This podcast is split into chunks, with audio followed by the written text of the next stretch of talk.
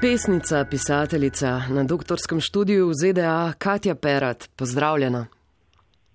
Zdravo. Zdravo. Ta teden so tudi v ZDA številni guvernerji od priporočil nekako prišli v ukazom. Ti si v kraju St. Louis v zvezdni državi Missouri na ameriškem srednjem zahodu. Kakšno je trenutno življenje tam ali kako bi rekla, kako drugače je?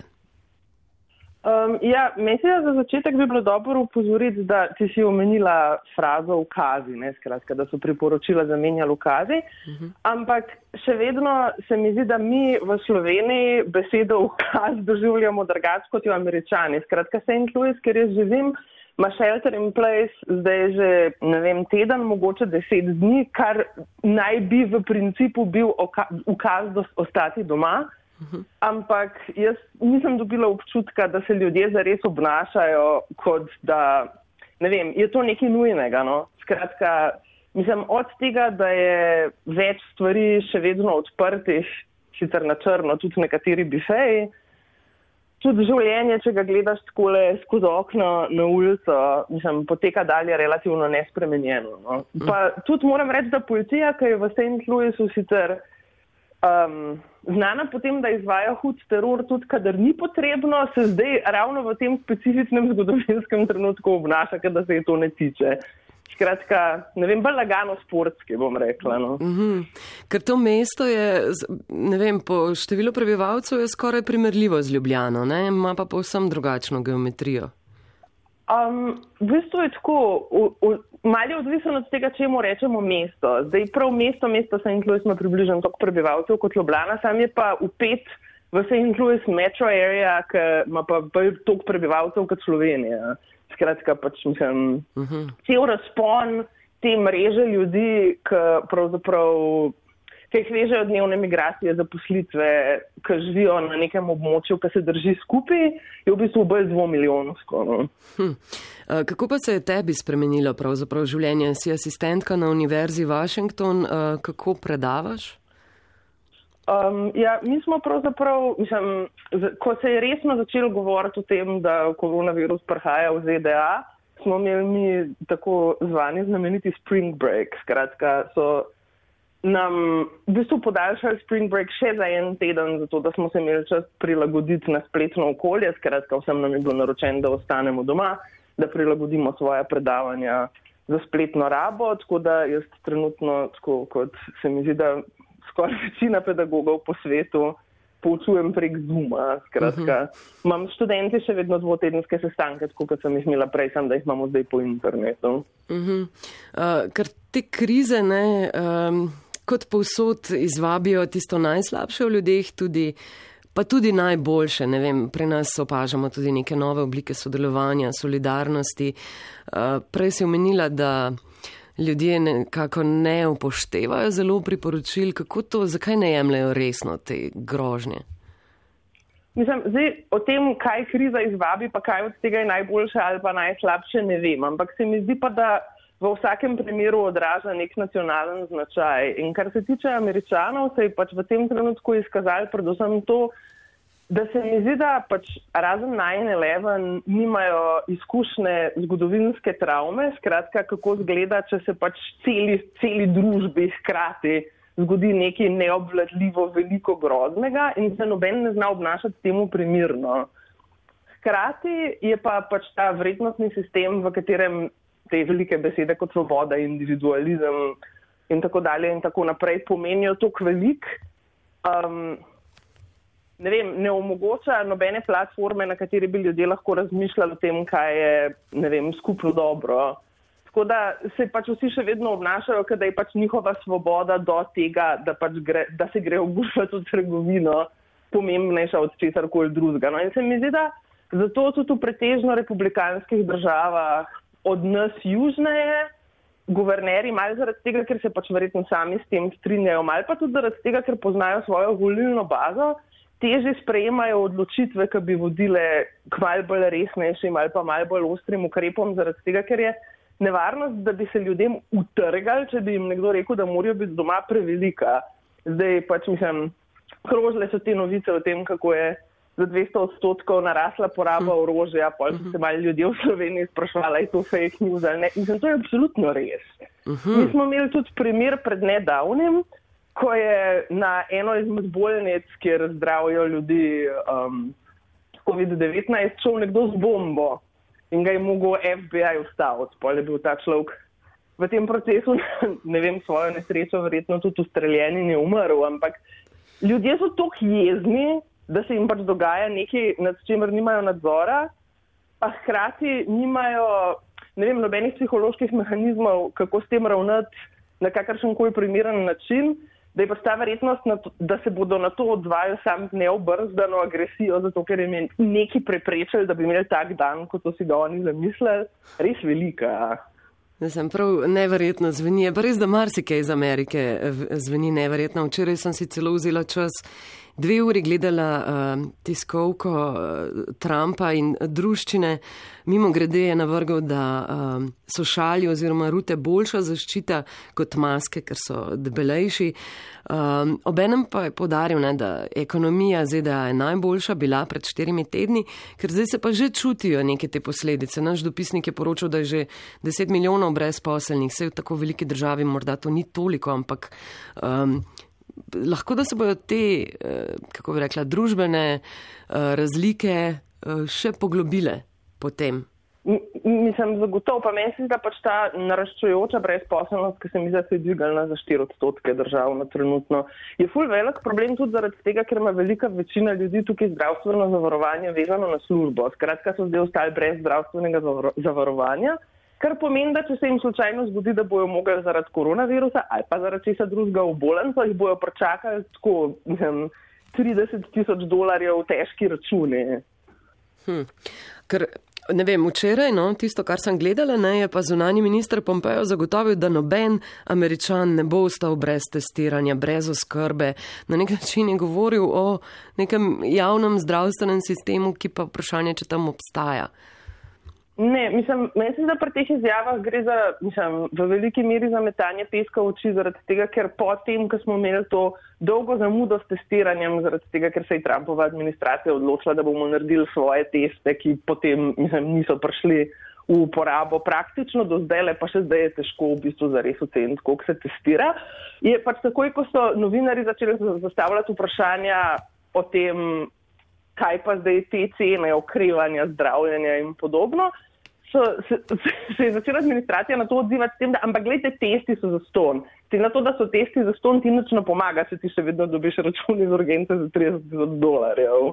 Uhum. Veliko vprašanje je, kaj je zares za ston. Ne? Zaradi tega, ker administracija veliko govori o nekih brezplačnih storitvah, ampak polka zares poslušaš, kaj ti brezplačne storitve zares so, pa večinoma govorijo o testiranju. Zato, ker so zdaj tako ponosni, da so končno uspeli koga testirati. Ker slišali smo tudi, ne, da je Trump eh, razdelil ogromno denarja marsikomu, kljub nekemu temu strahu pred nekimi napol socialističnimi ukrepi. Mislim, velik denar je razdelil marsikomu, večino tega denarja je šlo mislim, za sanacijo velikih korporacij. Zdaj, tem denarjem, ki naj bi šel običajnim državljanom, je pa tako, da ga bo pač večina dobila 1200 na mesec, kar je že za, mislim, en, enkratno, ne na mesec, ampak pač en mesec bodo dobili 1200 dolarjev, uh mhm. -huh. kar je že za, mislim, zvezdna država kot je Mizuri, kjer so v bistvu stvari relativno, po, relativno pocen, glede na to, koliko stanejo v kakšnih malj premožnejših državah nekaj, s čimer si en državljan pravzaprav ne more kaj prav dosti pomagati. Mislim, vprašanje, če to zares pokrije recimo mesečno najemnino stanovanja. Uh. -huh. Um, pred dvema tednoma sem se na tem mestu pogovarjala s filozofom Slavojem Žižkov, ki je dejal, uh, da je to izredno stanje, kot ga recimo zdaj doživlja čez palec uh, dve milijardi ljudi na svetu, že na nek način bilo zapisano v fikciji, natančneje v literaturi. Njega je vse skupaj spomnilo na klasiko Georgea Wellsa Vojna svetov, ko vesolce uničijo neke enostavne bakterije, v današnjem primeru smo vesolci mi, bakterija pa je virus. Najdeš ti morda kakšno usporednica v literarnem ali pa filmskem svetu? Ja, meni je predvsem, če gledam na to, kakšna situacija je trenutno v ZDA, fulheten, ker se še vedno spomnim, kako sem bila v gimnaziji, ko smo brali uh, 1984, pa se mi je zdelo, da je to ne vem, slika enega sveta, s katerim jaz najbrž ne bom imela prav dosti izkušenj. Zdaj imam pa nenadoma občutek, da je vse, kar piše v tej knjigi, stotno res.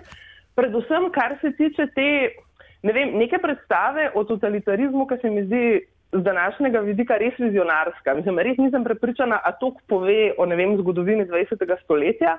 Kot prav v tem trenutku, ko imaš pred sabo eno figuro, kot je Trump, ki res brez najmanjših težav vsakodnevno spreminja diskurzivno resničnost.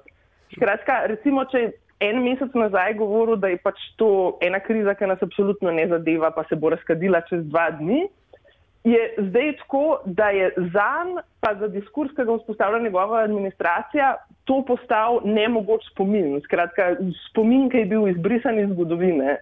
In kar me mogoče še malo bolj fascinira, je to, da se ljudje na to odzivajo v bistvu dosti pritrdilno. Mislim, da se ni zgodilo to, da bi ljudje dobili občutek, da ta človek zelo očitno laže, ampak da so ljudje tako veseli, da nekdo nastopa s to eno suverenostjo, da tudi če v enem trenutku reče nekaj absolutno drugega, kot je rekel pet minut nazaj, ob tem niti trzne. Ne? Mislim, da je v tem neka varnost, da je v tem absolutnem konstruktu laži in prevar ena ta gotovost, da če človek lahko tako suveren v tem, potem nas bo najbrž že zavaroval pred pogubo.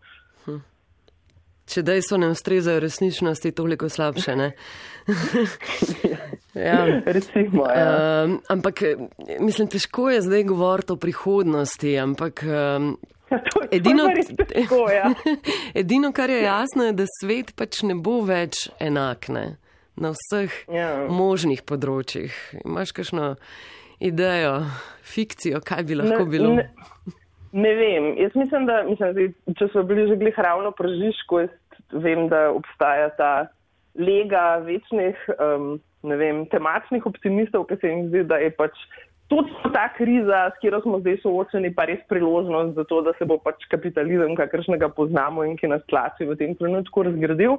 Jaz meni se zdi, da sem čutila nekaj tega optimizma, kakšen teden, zdaj se mi zdi pa, da glede na to, kaj se dogaja, mislim, predvsem v Evropi, mi smo še tam za nami, imam mogoče malo bolj občutek, da bo kapitalizem tak, kot je ostal, se mu bo pa pridružil še ta velik družbeni nadzor, v katerem bo ne mogoče stopiti iz hiše, ne da bi oblast vedela, kdaj pa kam si šel. Tako da, ne vem, jaz imam trenutno bolj mračne slutnje kot karkoli drugega, ampak. Hkrati se pa tudi zavedam, da so to um, družbeni procesi, ki se odvijajo mislim, veliko bolj počasi in da glede na to, da niti ne vemo, koliko časa bosta trajali še pandemija, pa pridružena gospodarska kriza, pa kakšni zares ukrepi bodo sprejeti v tem času, koliko se bo povečal nadzor nad prebivalci. Ne vem, če bomo zares vedeli, kaj se nam je zgodilo, mislim, prej kot v naslednjih štirih letih. Hmm. Se mi zdi pa, da so Zdaj, če spet gledam na ZDA, pa če jo primerjam s spominom na to, kaj je recimo naredila prva svetovna vojna Avstro-Ogrske, to je absolutno okoliščine, v katerih se razkrajajo veliki imperiji. Sam, a se bo to zares zgodilo ali pa ne, pa jaz ne vem, pa po mojem tudi kdo drug ne. Mislim, da bomo mogli bolj počakati pa videti. Ja, pa morda saj upati do konca. No. Um, moram te vprašati, ker si že tu, ti imaš eh, zdravstveno zavarovanje.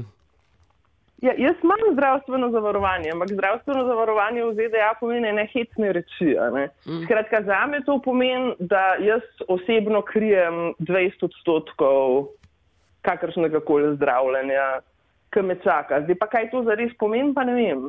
Tri urje, šest urjev, ne vem, bomo videli. Na nek način si kar pogumna, da si ostala, zdaj v ponedeljek se končajo te evakuacijski uh, leti slovencev domov. Um, verjetno to ni bila lahka odločitev. Ne? Mislim, jaz ne vem, če je to zares vprašanje poguma. Meni se zdi, da je mogoče bolj to vprašanje pragmatike. Jaz glih potujem z enim precej velikim psom, ki ima eno precej veliko plastično škatlo, ki zgleda kot, trenutno kot en ogromen zbiralc za virus, ki si jo potem v procesu potovanja podaja več ljudi. Skratka, zdi se mi, da, to, da bi se jaz v teh okoliščinah podala na pot, bi bilo dost neodgovorno. No. Mhm. Tako da se mi zdi, da je pač čist, um, v imenu varnosti in mene in vseh udeleženih zaenkrat bolj, da poskušamo, če ne lahko ostajati tam, kjer smo, zato ker se mi zdi, da tranzit zagotovo ne pomaga. Mm. še prav nasprotno, ne, še pripomore. Uh, morda Pripomore tako, pa, ja. ja, uh, tako za konec, uh, s čim se pa tako ukvarjaš, uh, morda pripravljaš kaj literarno novega tudi za naš trg? Jo, jaz, ki zelo izrazito nimam tega psihološkega profila, kriza kot priložnost, se mi zdi, da trenutno bolj poskušam priti skozi vsakodnevne aktivnosti brez prevelikega stresa. Tako da, glede na to, da učim, pa da poskušam pač delati na svojem doktoratu, mislim, da se ne bom preterala, no, ne bom zdaj zasnovala kakšnega večjega projekta, zato ker se mi zdi, da ne vem bodo tudi boljši časi za to. Mm, morda zdaj tudi ni najboljši čas za tisto samo iskanje, kar zdaj vsi nekako povdarjajo. Meni se zdi, da je pač, mislim, čisto odvisen od človeka, da je ene ljudi to, da so pač manični pa hiperproduktivni izrazito pomirja, ampak jaz bom pa rekla, da mene ne. No. Oziroma, da je tako, da je da so vem, zahteve po produktivnosti že itak v mirnejših časih prevelike, pa da jih takrat občutam kot relativno absurdne. Zdaj v tem trenutku, ki pa v bistvu nišče ne ve, kje bomo pristali, koliko bo še zaposlitev, ko bo vsega tega konc. Se mi zdi pa, da se obnašati, da pač te neke vrednote tega, kaj vse je treba doseči, pa kako je treba izkoristiti vsak trenutek za osebnostni razvoj, mislim, da to je pa res kar malce preveč. No. ja, odlično, Katja. No, potem pa ti privoščim predvsem kako dobro serijo, dober sprehod eh, s psom, pa da ostaneš zdrava. Ja, enako. No. Držimo se. Držimo se. Lepo zdrav v St. Louis.